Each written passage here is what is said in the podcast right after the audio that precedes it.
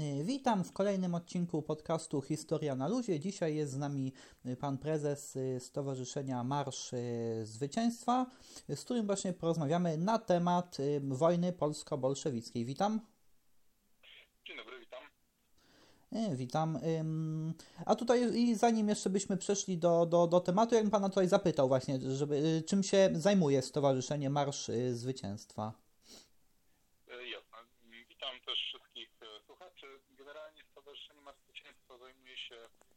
Propagowaniem, e, że tak powiem, takiej zwycięskiej historii Polski, w szczególności z naciskiem na wojnę polsko-bolszewicką, która była takim, powiedzmy, najświeższym w naszej historii przykładem e, właśnie takowej e, wygranej. No i zajmujemy się między innymi w związku z tą organizacją corocznego Marszu Zwycięstwa, z tego też i wzięła się nazwa stowarzyszenia, ale też i propagowaniem różnych postaci w historii Polski, które taki sukces odniosły, chociażby nie Romana Dmowskiego, też i e, w związku z tym wszystkim e, interesujemy się takimi tematami jak nie wiem, Powstanie Śląskie, Powstanie Wielkopolskie, e, Odsiecz Wiedeńska, która niedawno miała miejsce i właśnie propagowaniem takich wydarzeń, takich postaci się stowarzyszenie nasze zajmuje.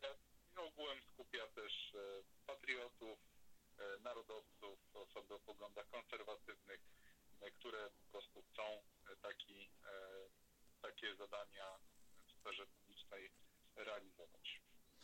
No właśnie, tak. No i tutaj przechodząc już do, do tematu, no właśnie, warto, warto właśnie tutaj upamiętniać takie właśnie tutaj konflikty zbrojne jak wojna polsko-bolszewicka, no dlatego, że jednak y, Polska uratowała Europę, nie, w 1920 roku.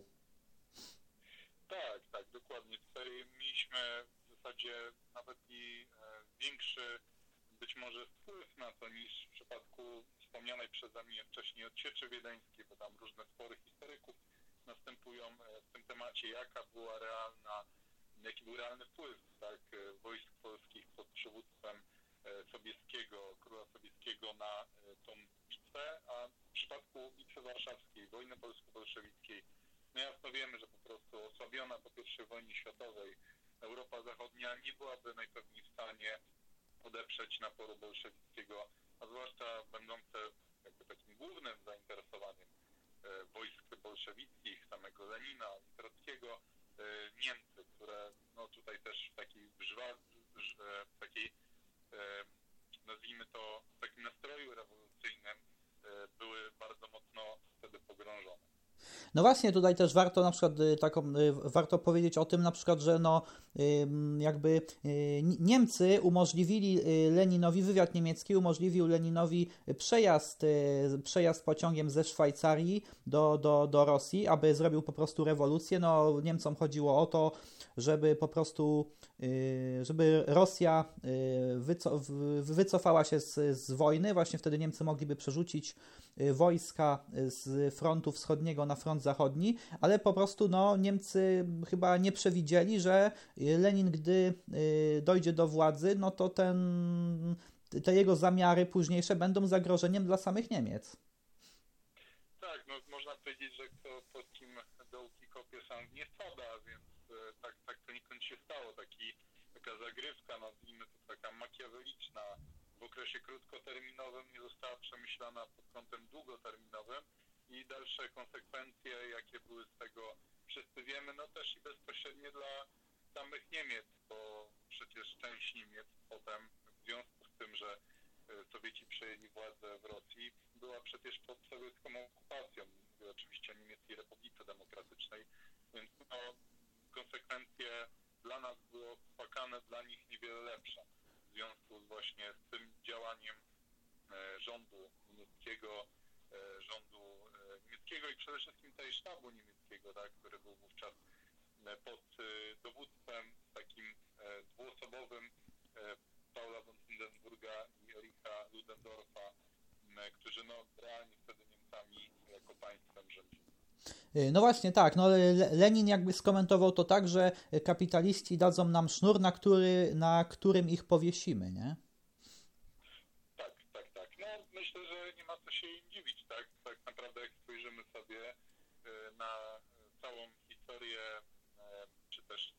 Bolszewików, czy też i ogółem też takiej zachodnioeuropejskiej skrajnej lewicy, już bardziej powiedzmy roku 68, czyli tej bardziej nazwijmy to obyczajowej lewicy, no to ona, że tak powiem, wszystkich środków się mała, żeby, żeby po prostu wchodzić do poszczególnych instytucji, czy to tutaj przejąć całe państwo w przypadku bolszewików, nawet za cenę współpracy z monarchią, zresztą no, monarchią taką o profilu nazwijmy to nacjonalistycznym, jak ta niemiecka, czy też marsz przez instytucje, jak to miało miejsce w Europie Zachodniej i wchodzenie w różnorakie sojusze też z wielkim kapitałem, czego jakby konsekwencje widzimy dzisiaj w przypadku różnych chociażby parad LGBT wspieranych. Szkoła frankfurcka też, nie? No to jest właśnie, właśnie to są dzieci szkoły frankfurskiej, czyli co obecnie e, dzisiaj, e, dzisiaj właśnie takie, nazwijmy to, parady równości i ogółem e, ten nastrój, jaki jest obecnie rozprzestrzeniany na Europę Środkowo-Wschodnią, a który już zwyciężył w Europie Zachodniej, właśnie właśnie inspirowały. No właśnie, teraz jest to marksizm kulturowy, a wtedy był to marksizm, który, który jakby walczył o pozyskanie robotników. Nie? No właśnie, i gdy już Lenin przejął władzę w, w Rosji radzieckiej, Rosja radziecka wycofała się z wojny, no tutaj właśnie podpi- Rosja, przedstawiciele Rosji tutaj podpisali traktat brzeski, no ale był to właśnie taki jakby rząd rosyjski chciał zaczerpnąć oddech tutaj taki, nie? Żeby, żeby po prostu po, po jakimś czasie znowu uderzyć na, na Europę tutaj. No a choćby świadczy o tym przemówienie Lwa Trockiego w Woronerzu, w, który, w którym to przemówieniu Lew Trocki nawoływał do marszu Armii Czerwonej na zachód Europy, aby właśnie wspomóc takie, takich rewolucjonistów właśnie jak jak Związek Spartakusa w Niemczech albo, albo komunistów węgierskich i w ogóle, aby utworzyć taką sowiecką Europę, taki socjalistyczny Europejski Związek Radziecki. Tak, znaczy no to było, była taka decyzja taktyczna, zresztą no, z ich perspektywy bardzo słuszna, żeby po prostu ten front zamknąć, tak, żeby nie toczyć tych walk, no bo to było absolutnie bezsensowne, zwłaszcza, że no, bolszewicy jednak masy w dużym stopniu pozyskiwali właśnie pod hasłami zakończenia tej wojny, udziału Rosji w tej wojnie. No, miała miejsce też i wojna domowa. No, musieli po prostu najpierw wygrać, się przeorganizować, żeby ruszyć na zachód. No, poniekąd tej lekcji e, początkowej nie odrobili, bo jednak, no okej, okay, zakończyli udział Rosji w I wojnie światowej, ale ruszyli na Polskę, no i skutków żadnych to im nie przyniosło. Dopiero wzmocnienie władzy poprzez wygraną wojnę domową tak naprawdę pozwoliło im na dalszą ekspansję. No właśnie, tak. A, no właśnie, a warto też za, zaznaczyć, że w tym czasie właśnie te partie lewicowe, w, takie komuni komunistyczne partie w Europie stawały się na przykład w niektórych krajach bardzo silne, gdzie świadczy na o tym, że w Niemczech powstała Bawarska Republika Rad i na Węgrzech powstała Węgierska Republika Rad i jakby oni czekali na przyjście Armii Czerwonej tutaj, aby ta Armia Czerwona ich wspomogła. Tak, tak, dokładnie. No tutaj cała rewolucja w Niemczech, tak, którą między innymi organizowała znana też i z działalności na terenie Polski Róża Luksemburg, tak, czy też no właśnie rewolucja węgierska, którą ostatecznie udało się tym tak zwanym białym terrorem zdusić, prowadzonym przez admirała Miklosza Hortiego, późniejszego regenta Królestwa Węgier. Udało się to na szczęście, że tak powiem, powstrzymać, no tak samo jak i napór bolszewików z Rosji. No i oni też sami potem doszli do pewnych wniosków, że no niestety, ale nie są w stanie właśnie tej swojej polityki w taki sposób prowadzić, takim, taką permanentną rewolucję i też miało to związek z pewnymi zmianami polityki wewnętrznej, polityki gospodarczej, bo odeszli od tego tak zwanego komunizmu wojennego ku nowej ekonomicznej polityce, która no jednak zakładała istnienie pewnej prywatnej inicjatywy, od czego potem już odszedł bodajże sam Stalin. No tak, i tutaj też y, y, Piłsudski, który był wtedy naczelnikiem państwa, on tam zdawał sobie sprawę, nie? Że, że tutaj Armia Czerwona będzie szła na zachód i postanowił uderzyć na Kijów, zająć Ukrainę i Piłsudskiemu po prostu chodziło o to, aby powstała sfederowana z Polską Ukraina tutaj, nie? Czyli była to taka wojna prewencyjna.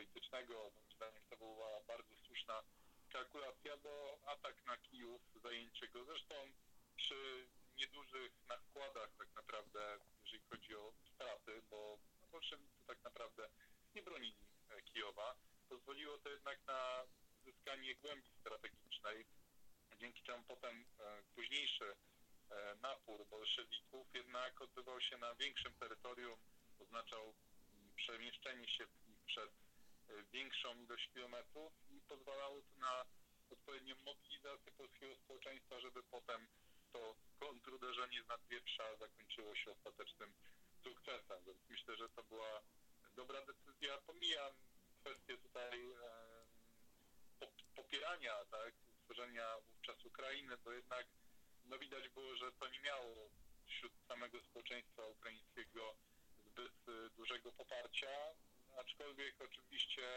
e, tego też i Piłsudski jakby no nie mógł wiedzieć, bo nie było wówczas, tak jak mamy dzisiaj, jakichś takich nowoczesnych sondażowni, które by to wszystko badały. No właśnie, no raczej tutaj e, Petlura właśnie no nie, nie cieszył się właśnie jakoś, tak jak pan wspomniał, poparciem na, na, na Ukrainie tutaj. Tak, ale to żaden z e, polityków ukraińskich takowym się nie cieszył, więc to wszystko było tak naprawdę takie palcem na wodzie pisane. Tak naprawdę zobaczymy sobie, że byli gdzieś tam e, anarchiści, e, byli też i wcześniej tacy bardziej lojalni wobec e, sprawujących poprzez oberot władzy na tym terenie Niemców z atamanem, przepraszam, z, hetmanem ówczesnym, był okres hetmanatu, byli też i właśnie petlurowcy, byli też i e, politycy zgromadzeni w ukraińskiej e, Partii Narodowo-Demokratycznej, więc e, tak zwanej w skrócie UNDO, więc różne naprawdę były ugrupowania, nie było takiego ugrupowania wiodącego, które by takie masy ukraińskie za sobą pociągnęło, myślę, że tutaj bardzo ciężko było wyciągnąć, wyciągnąć jakiś clue tego wszystkiego, aczkolwiek no, na pewno mimo wszystko ta polityka, którą Piłsudski prowadził, miała skutek dla Polski pozytywny w tym aspekcie, bo okej, okay, jakby było poparcie powstania Ukrainy, jednak no, wiązało się to z tym, że po naszej stronie jednak ileś tysięcy Ukraińców walczyło, a ostatecznie no niestety, niestety nie, do, nie doszło do powstania e, Ukraińskiej Republiki Ludowej jako trwałego bytu państwowego już po traktacie Rys. Więc ostatecznie, ostatecznie y, dla nas jakby nie miało y, to istotnych kosztów. Y, no właśnie, no i tutaj też wa warto na przykład dodać, że gdy właśnie trwały nasze zmagania tutaj z bolszewikami, no to Węgrzy nam broń wysyłali nieodpłatnie właśnie za, za rządów mi regenta Hortiego, dlatego właśnie, tak jak już wspomnieliśmy wcześniej, że Węgrzy po, posmakowali po prostu czym jest komunizm, nie chcieli jakby znowu do tego wracać. Tak, tak naprawdę no Węgrzy jako jedyni przesłali jakąś konkretniejszą e, pomoc e, Polsce i może no, trzeba pamiętać, że tak naprawdę, o czym też i Roman Dmowski pisał e, w polityce polskiej odbudowaniu państwa, my w pewnym sensie po e, I wojnie światowej mieliśmy z Węgrami w dużym stopniu sprzeczne interesy, no to jednak Węgrzy tutaj pokazali taką solidarność z nami e, związaną z tą wiekową już przyjaźnią polsko-węgierską i właśnie z tym, że mm, też oni mieli świadomość tego, że jednak akurat w tym temacie, w temacie naporu bolszewików interesy nasze są zbieżne.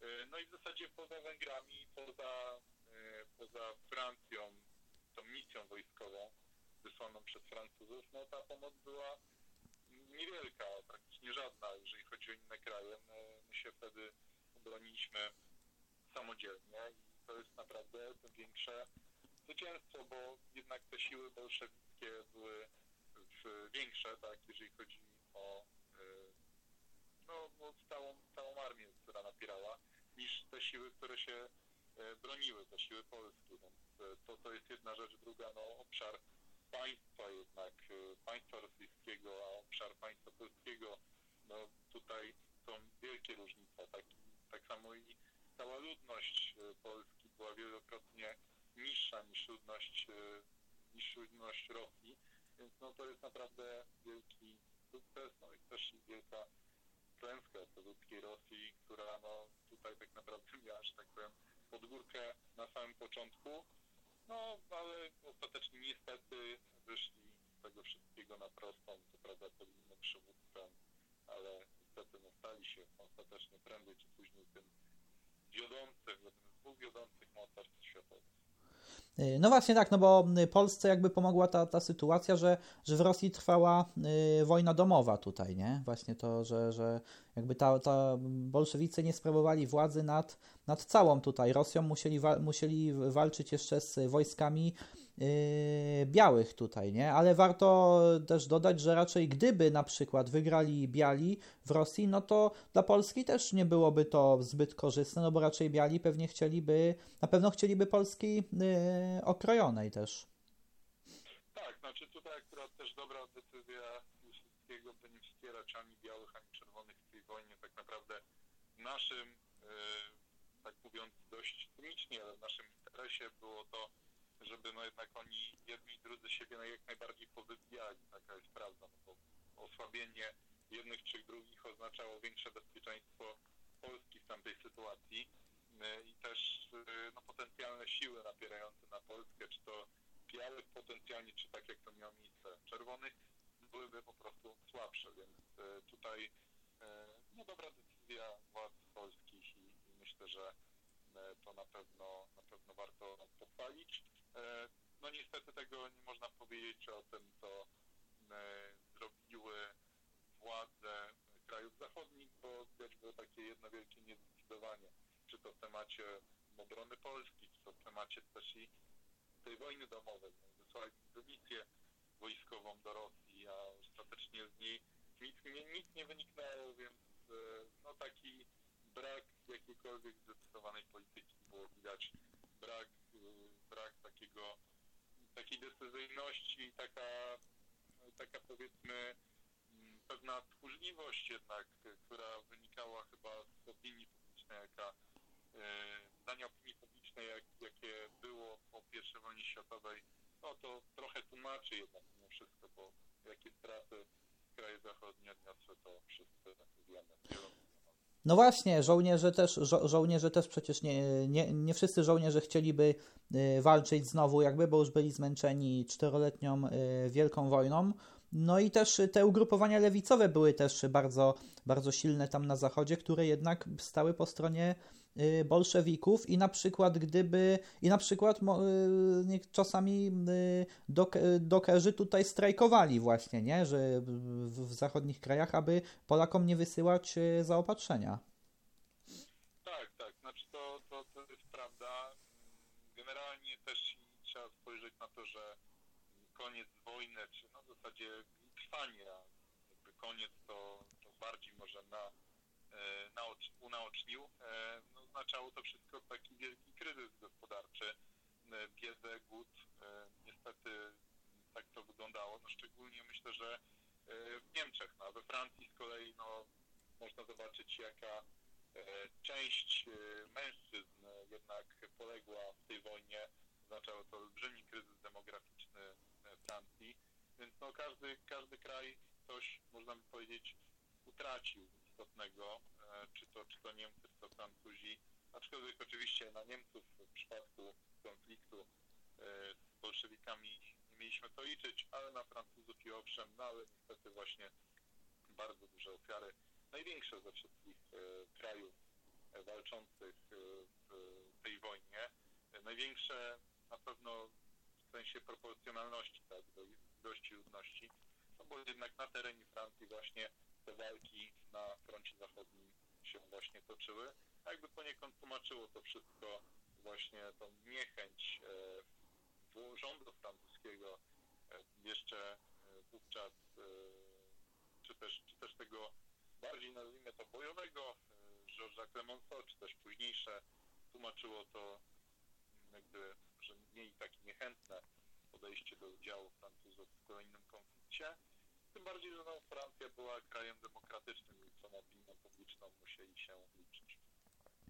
No właśnie, i też warto dodać, że też Pol Polakom e, pomogło to, że z Francji przybyła Błękitna Armia pod dowództwem Józefa Hallera tutaj. Też, też e, wspomogła nasz wysiłek wojenny tutaj. Tak, oczywiście. Tutaj, e, czy to, czy to w przypadku wojny polsko-bolszewickiej, czy też chociażby wojny, wojny polsko-ukraińskiej, o której się też trochę zapomina, bo jednak Polska prowadziła po odzyskaniu niepodległości nie tylko wojnę z bolszewikami, ale i właśnie z Ukraińcami. Pamiętajmy o chociażby Orlętach lwowskich w tym kontekście, a prowadzono tę wojnę z zachodnioukraińską Republiką Ludową, która no, poniosła dużą klęskę w tej wojnie, no i już na mapy nie wróciła, tak? I, i oznaczało to e, konsekwencji to wszystko, że jednak Ukraińcy musieli się pogodzić z utratą tych terenów, no i ewentualnie z kooperacją polską, e, tak jak to miało miejsce w przypadku e, Petlury w kontekście wojny z bolszewikami. Y, no właśnie, no i tutaj, gdy y, wojska y, bolszewickie zbliżały się do naszej stolicy, to też za wojskami bolszewickimi posuwał się Polski Komitet Rewolucyjny, właśnie na czele którego tam stał Julian Marchlewski. W skład komitetu wchodził też Felix Kohn, Józef Unschlicht i tam inni jeszcze działacze z wcześniejszej SDKPIL a, a w tamtej chwili już z komunistycznej robotniczej Partii Polski, właśnie, no, którzy ci, ci działacze mm, właśnie byli za tym, aby powstała Polska Republika Radziecka tutaj.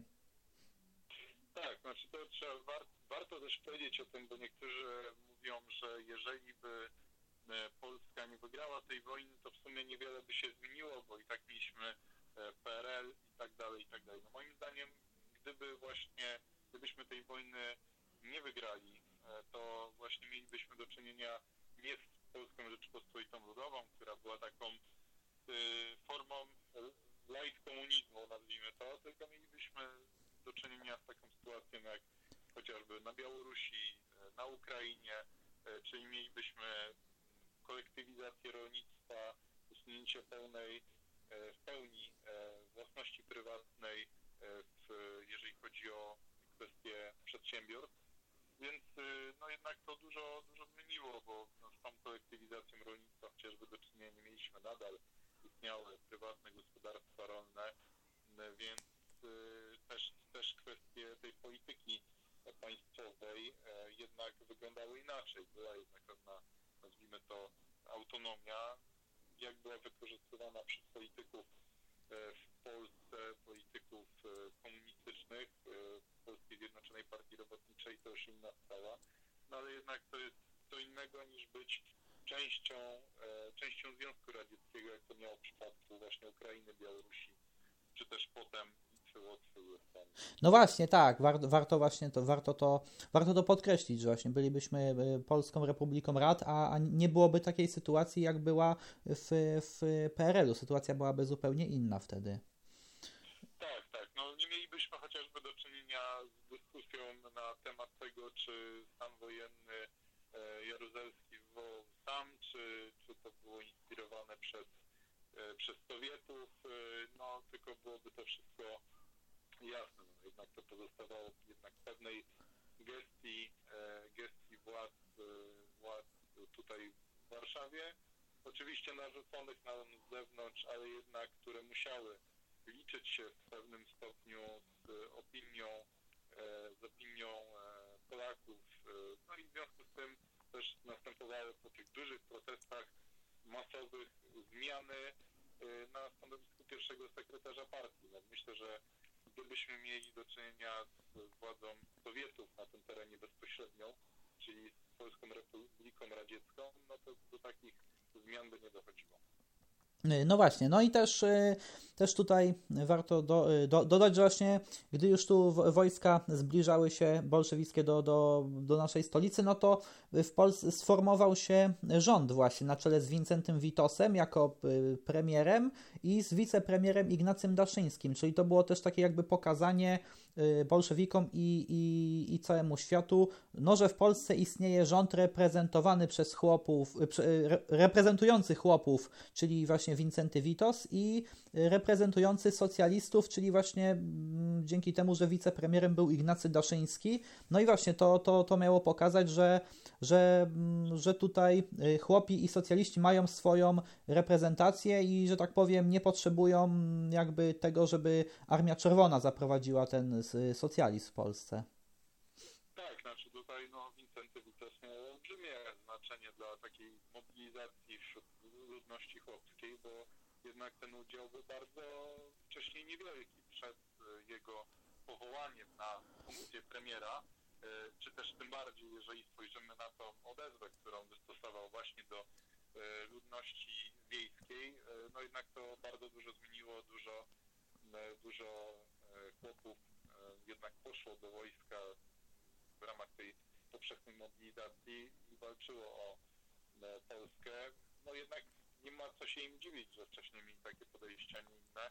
Jednak jak zobaczymy sobie na wcześniejszą historię państwa polskiego, no to jednak kojarzyła im się z tym, że jednak byli pod tym e, butem właściciela ziemskiego, szlachcica, byli takimi chłopami pańszczyźnianymi, tak naprawdę nie mieli powodów poniekąd, żeby się utożsamiać z państwem polskim, poza tym, że mówili w tym samym języku, jaki był urzędowym językiem państwowym. Poza tym nie mieli jakiejś, e, jakiegoś poczucia wspólnoty interesów, no to jednak mogli odczuć, że to się zmienia w związku z tym, że jeden z nich, e, Vincenty Witos, został premierem i właśnie taką odezwę wystosował. No jednak udział robotników był trochę wyższy niż udział chłopów, więc poszczególnie właśnie powołanie e, Wincentego Witosa miało duże znaczenie i też to był bardzo sensowny ruch ze strony e, naczelnika państwa Piłsudskiego, który no jednak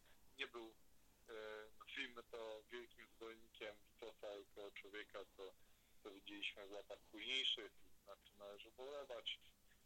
Tu mówimy oczywiście już po, o latach zamachu majowego i późniejszych, no ale wtedy, wtedy jednak wszystkie stronnictwa polityczne były w stanie odrzucić te prywatne, czy też ideowe właśnie i um, zjednoczyć się dla wspólnego celu, jakim była obrona niepodległej Rzeczypospolitej. Y, no właśnie, ale też tutaj właśnie, gdy, gdy już Bitwa Warszawska y, miała się y, rozpocząć, no to Piłsudski tutaj na, na ręce Wincentego Witosa złożył dymisję. No i tutaj właśnie zwolennicy Piłsudskiego mówią, że złożył tą dymisję na wypadek, gdyby Polska przegrała, no to wtedy no to, to miało jakby mm, w jakimś sensie pomóc Polsce, że jednak już tego, że jednak Piłsudskiego już, już nie ma, że tego, a przeciwnicy Piłsudskiego mówią, że no tutaj, że, że, że, mm, no, że, że zostawił tutaj jakby swój kraj i tam do kochanki wyjechał, nie? Jakby co, tutaj są takie głosy po prostu. Tak, tutaj są różne kontrowersje z tym związane, to prawda. No niestety mm, jednak ku tym, nazwijmy to teorią o kochance, wielu historyków już przeczyło moim zdaniem jednak e, Piłsudski, biorąc bezpośrednio udział przecież w kontruderzeniu nad Wieprza, jednak miał świadomość pewnego ryzyka, e, które się z tym wiąże. No, musiał też pomyśleć o tym, że e, ciągłość władzy państwowej musi zostać zachowana to nie ma tak naprawdę znaczenia, czy ta bitwa byłaby wygrana, czy nie, bo nawet mogłaby być wygrana polec, tak? Jednak E, tutaj no, trzeba było odpuszczać na zimne, on miał tego świadomość, więc myślę, że jego decyzja e, miała ręce i nogi, e, aczkolwiek no, też trzeba wziąć pod uwagę, że okay, mógł mieć też wątpliwości, czy ta bitwa zostanie wygrana, czy nie. Tu się nie ma co dziwić, bo sytuacja była jednak, no, można powiedzieć, tragiczna, tak? Nie było wiadomo, czy, czy Polska tą bitwę raczej, raczej zanosiło się na to, że, że nie, jednak bolszewicy mieli pewną dynamikę. No, dużą rolę odegrało to, że doszło do pewnego zmylenia, zmylenia właśnie bolszewików poprzez radiostację, która, która też i co, co podchwycili właśnie bolszewicy, no i doprowadziło to do tego, że, że, że bolszewicy podjęli błędne decyzje i tą bitwę właśnie przegrali. Tak to mniej więcej wyglądało. Y, no właśnie, a też warto, warto do, mm, też dodać, że gdy właśnie, no to, że w, w, tamtej, w tamtym czasie no, Warszawę opuścili też mm, przedstawiciele tutaj dyplomatyczni, nie? No, w Warszawie pozostał y, mm, późniejszy papież y, Achille Ratti i też y, tutaj polski ksiądz, Aleksand polski kardynał Aleksander Kakowski, a właśnie przedstawiciele korpusów dyplomatycznych właśnie już opuszczali tutaj Warszawę nie miało co się dziwić. No jednak jak spojrzymy sobie na ten fragment, wycinek historii Europy, hmm, też i tej nazwijmy to zachodniej, środkowej, wschodniej, też i tej, e, tej części, e, która już no, ocierała się o Azję, czyli po Kaukazie, no to zobaczymy, że jednak takich państw sezonowych było wówczas bardzo wiele. Nie wiem, państwo ormiańskie, azerskie, gruzińskie, y, państwo też mieliśmy ukraińskie, białoruskie, więc tego było naprawdę dużo, więc e, też nie miało, nie mamy co się dziwić e, dyplomatom z innych krajów, że taką, a nie inną decyzję podjęli. Ostatecznie oczywiście Polacy udowodnili, że ich państwo państwem sezonowym nie jest, że jednak no, są państwem e, też i które może być pewnym takim mocarstwem regionalnym nawet. No ale oczywiście to wszystko musiało być pokazane czynem, a nie samymi deklaracjami, samym bohaterstwem. Jednak bohaterstwo samo w sobie nie daje e, efektu w postaci zwycięstw, tylko też i mądre dowodzenie, e, pewna, pewna siła uderzeniowa i tak dalej. Więc no jednak to podsumowując nie jest absolutnie to podejście dyplomatów zachodnich i innych zaskakujące. No właśnie, i też tutaj no, podczas bitwy warszawskiej no, udało nam się odepchnąć wojska y, Michaiła y, Tuchaczewskiego, udało się właśnie, no i też jedną z przyczyn było to na przykład, że Stalin, który był dowódcą, który był dowódcą Rady Wojennej, no nie przysłał Tuchaczewskiemu na pomoc y, konarmii Siemiona Budionnego, no bo Stalin miał też tutaj własne jakieś takie ambicje polityczne.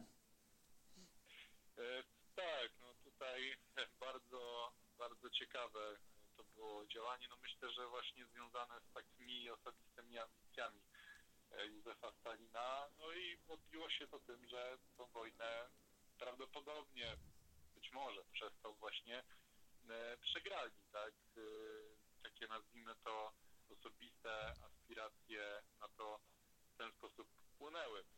Więc no, jak widać, różne działania Staliny, Stalina nie miały tylko płakanego skutku dla Polski, tak pół żartem, pół serio, ale no też i z racji na jego ambicje e, zdarzały się i takie wyjątki.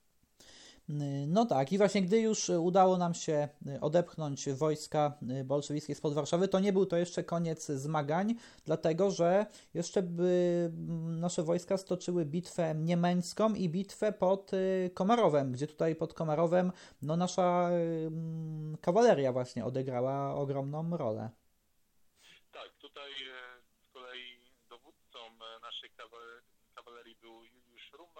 Właśnie była to ostatnia tak wielka bitwa kawaleryjska w historii świata w ogóle, więc też to warto o tym wspomnieć. Właśnie ta bitwa, mam przed sobą mapkę jej, miała miejsce 31 e, sierpnia, więc e, no, niecałe tak naprawdę dwa tygodnie po skończeniu e, zmagań pod, pod Warszawą, na, na wschodniej bramie Warszawy. No i tutaj wielkie zwycięstwo zostało na szczęście odniesione i tak naprawdę to była taka kontynuacja tego impetu, z którym e, armia polska walczyła. E, no i cóż, i właśnie potem doszło do tej bitwy niemeńskiej, w której dowodził Edward Śmigły. No i tu o zgrozo późniejszy wódz naczelny w czasie II wojny światowej, w kampanii wrześniowej, który mając takie doświadczenia, jakie mają wojny z bolszewikami w ramach rozkazu w ramach rozkazu nakazał nie walczyć wówczas z Sowietami. No cóż, niestety tak, tak, tak było. No i właśnie ta bitwa niemiecka tak naprawdę przypieczętowała tą wygraną. Ja może też i e, przeczytam to co, to, co powiedział Józef Piłsudski 18 października, już po zakończeniu tych, tych zmagań wojennych. E, właśnie, właśnie pisał do E, Polaków do, przede wszystkim do żołnierzy, tak, którzy walczyli w tej wojnie. E, więc tak już rozpoczynając cytat. Żołnierze, dwa długie lata pierwszej dnia wolnej Polski spędziliście w ciężkiej pracy i krwawym zdoju. Kończycie wojnę wspaniałymi zwycięstwami. Żołnierze, żołnierze, nie na próżno, nie na marne poszedł wasz trud. Żołnierze, zrobiliście Polskę mocną, pewną siebie i swobodną. Możecie być dumni i zadowoleni ze spełnienia swego obowiązku kraj, co w dwa lata potrafi wytworzyć takiego żołnierza, jakim wy jesteście, może spokojnie patrzeć w przyszłość. Więc widać, tutaj kończąc cytat, taki optymizm też tego wszystkiego wynikający, który no dla osób takich jak Piłsudski oczywiście gdzieś w pewnym sensie się zmniejszył, jak e, spojrzymy na postanowienia traktatu, traktatu ryskiego, a przede wszystkim na wykonanie go i na późniejszą też i oczywiście sytuację Polski związaną z uformowaną wówczas demokrację parlamentarną, ale ogółem widzimy, że jednak taki entuzjazm związany z odzyskaniem i obronieniem niepodległości e, po 123 latach zaborów jednak miał miejsce i było taki, był taki nastrój budowania suwerennej, silnej, która jednak ma ambicje bycia e, czymś więcej niż takim e, państwem kadłubowym, państwem tym bardziej sezonowym. No właśnie, i też rolę tutaj w wojnie polsko-bolszewickiej odegrał też trochę zapomniany generał Tadeusz Rozwadowski, który no, opracował plan bitwy warszawskiej, no ale jednak, jednak właśnie y, Piłsudski był wodzem, wodzem Y, naczelnym, nie? Co i jakby i generał Rozwadowski był też człowiekiem y, skromnym właśnie, nie? To też warto dodać, bo jakby no nie, nie przechwalał się jakoś, nie mówił, że to on jest zwycięzcą, bo, bo wiedział, że Józef Piłsudski był naczelnym y, wodzem, tylko że generał Rozwadowski jednak został no w sposób taki dość tutaj, no dość z, no niegodny swojej, e, swojego, swoich zasług tutaj potraktowany po przewrocie majowym, gdzie został no jednak wtrącony do, do więzienia. Tak, znaczy generalnie generał Rozwadowski e, sam też i odnosił się bardzo pozytywnie do tego, co e, właśnie e, marszałek Piłsudski zrobił, późniejszy marszałek Piłsudski, tak. Sam do niego się zwracał per komendant, Zresztą no, można sobie e, też i sprawdzić słowa e, ówczesnego właśnie szefa sztabu generalnego Wojska Polskiego, generała Rozwadowskiego, e, który, który też odniósł się do tego, co działo się na froncie właśnie po już rozpoczęciu kontruderzenia z Nadwieprza. Napisał w liście, panie komendancie, mam wrażenie, że cała akcja rozwija się bardzo korzystnie i że właśnie co do czasu mamy korzystne warunki tak jak je pan komendant przewidział. Skoordynowanie akcji czwartej i trzeciej armii uważam bardzo szczęśliwie pomyślne. Uzgodnienie akcji czwartej armii z pierwszą armią doskonale pan komendant przygotował. Więc no, widzimy, że po prostu sam generał Rozwadowski e, mówił o tym, że to jednak Piłsudski jakby w samym, czy też e, może nie tyle planie, ale też i w korektach do tego planu, dowodzeniu właśnie wojskami polskimi miał kluczowe znaczenie dla ostatecznego zwycięstwa e, polskiej armii. E, no tak, właśnie. I też w, w wojnie polsko-bolszewickiej dużą rolę odegrał nasz radiowywiad, nie? No chociażby to, że na przykład no, zakłócaliśmy tutaj łączność bolszewików Właśnie. No i też ym, eskadry lotnicze odegrały dużą rolę, które dzięki tym eskadrom ym, tutaj wódz, wódz naczelny mógł y, wiedzieć po prostu, jakie przesuwają wojska y, bolszewickie. Tak, tak, to oczywiście tej radiostacja bodajże zagłuszała e, Sowietów czytając Biblię. Mm, tak. Więc bardzo, bardzo też, e, że tak powiem, no trochę taki prześmiewczy może stosunku do bolszewików, którzy oczywiście propagowali ateizm państwowy, walczyli z religią, bardzo taki e, zabawny może sposób zakłócania ich.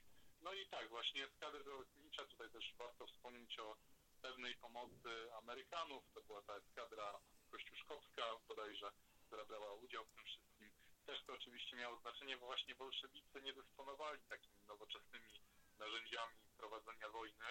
My właśnie, czy to ten radiowywiad był, no jak widzimy, słaby, czy też no, nie posiadali też i żadnych, e, żadnego lotnictwa, e, nie posiadali też i żadnych sił pancernych, które my akurat e, posiadaliśmy, też i między innymi w związku z tym, że w takowe siły została wyposażona Błękitna Armia generała Halera, która przecież pamiętajmy została utworzona pod, pod egidą Komitetu Narodowego Polskiego, którym kierował Roman Dmowski. No nie powstałaby też właśnie poprzez zabiegi Romana Dmowskiego i, i wówczas u państw Ententy.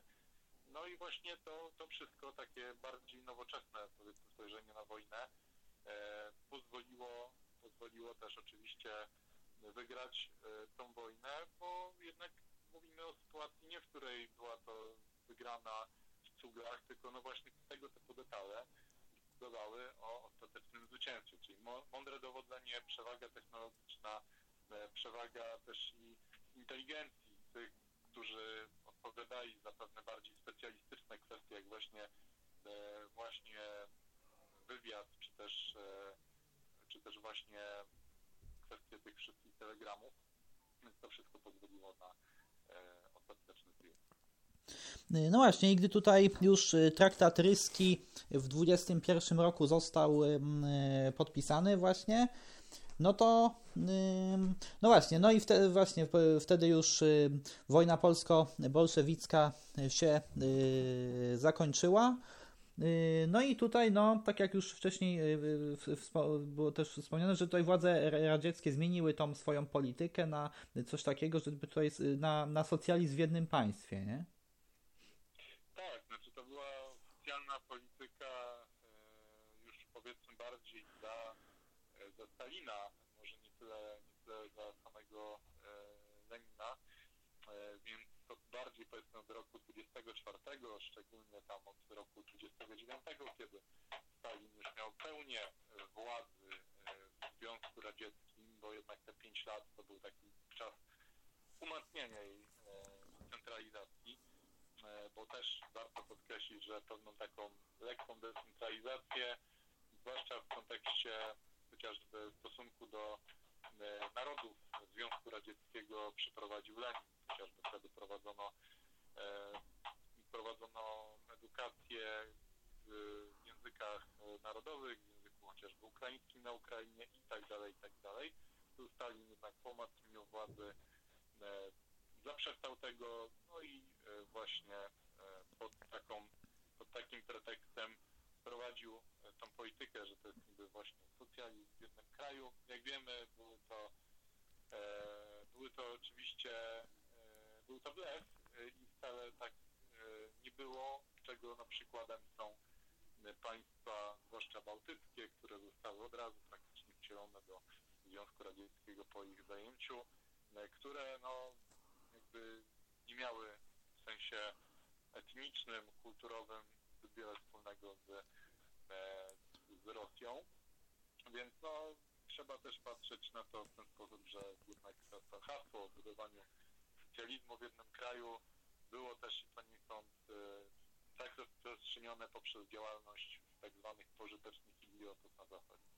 No właśnie tak, no bo komunizm cały czas miał tą, tą ideę taką ym, ekspansywną, nie? No tylko, że Armia Czerwona i, i władze radzieckie no, czekały po prostu na odpowiedni yy, moment, nie? Tylko jako taką ciekawostkę można jeszcze doda dodam, że tutaj e, drugim na świecie państwem komunistycznym no, stała się yy, Mongolia tutaj, nie? Gdzie bolszewicy jednak wsparli tych komunistów mongolskich. Tak, tak, aczkolwiek no tutaj właśnie dopiero moment II wojny światowej był kluczowy dla rozprzestrzeniania się komunizmu, czy to, czy to właśnie no, najlepszy przykład Chiny, tak, które no, widzimy do dnia dzisiejszego, przynajmniej formalnie, tak, yy, reprezentują taką ideologię, czy no też i Korea Północna, która no, faktycznie do dzisiaj taką ideologię reprezentuje, to nie tylko formalnie, ale i faktycznie.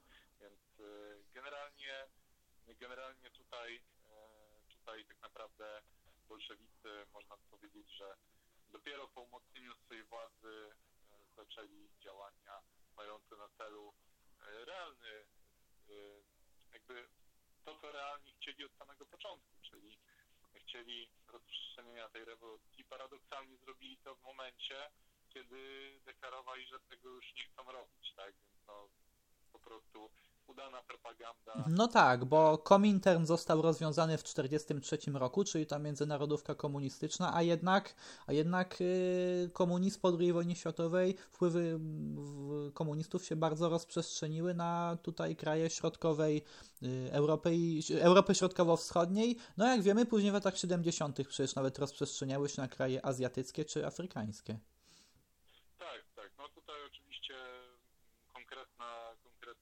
Agentura finansowana przez, e, przez Związek Sowiecki, przez NKWD miała miejsce i to też działo się i chociażby w II Rzeczpospolitej, bo też pamiętajmy o chociażby akcji, akcjach zamachowych różnych, czy też bodajże była próba wysadzenia Cytadeli Warszawskiej przez jednego z działaczy Komunistycznej Partii Polski. To wszystko miało miejsce i to, to wszystko potem y, skutkowało chociażby tym, że powoływano te wszystkie komitety, e, Związek Polskich Patriotów bodajże z Wandą Wasilewską na czele, czy też potem e, PKIN, e, przepraszam, przy PKWN, więc no to wszystko, to wszystko jakby nie wzięło się z niczego. No właśnie dla wszystkich tych komunistów na całym świecie Związek Sowiecki był przez jakiś czas taką jedyną możliwą, nazwijmy to ojczyzną komunistyczną i właśnie tam tam się wybierali i, i, i właśnie potem wracali do swoich, e, swoich macierzystych krajów albo i nie byli po prostu dalej szkoleni do e, późniejszego przejęcia władzy po inwazji Związku Sowieckiego na te kraje. Ostatecznie zgrabnie im się to udało, bo mogli tłumaczyć się pokonaniem faszyzmu innymi tego typu hasłami, a skutki jakie były dla Europy środkowo-wschodniej, no i też dla innych krajów, tak jak tutaj Pan wspomniał, też i krajów afrykańskich e, i, i chociażby azjatyckich, no wiemy, jakie, jakie były.